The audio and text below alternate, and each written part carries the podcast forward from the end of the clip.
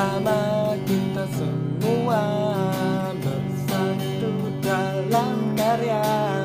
Bersama kita semua kita kembali lagi di podcast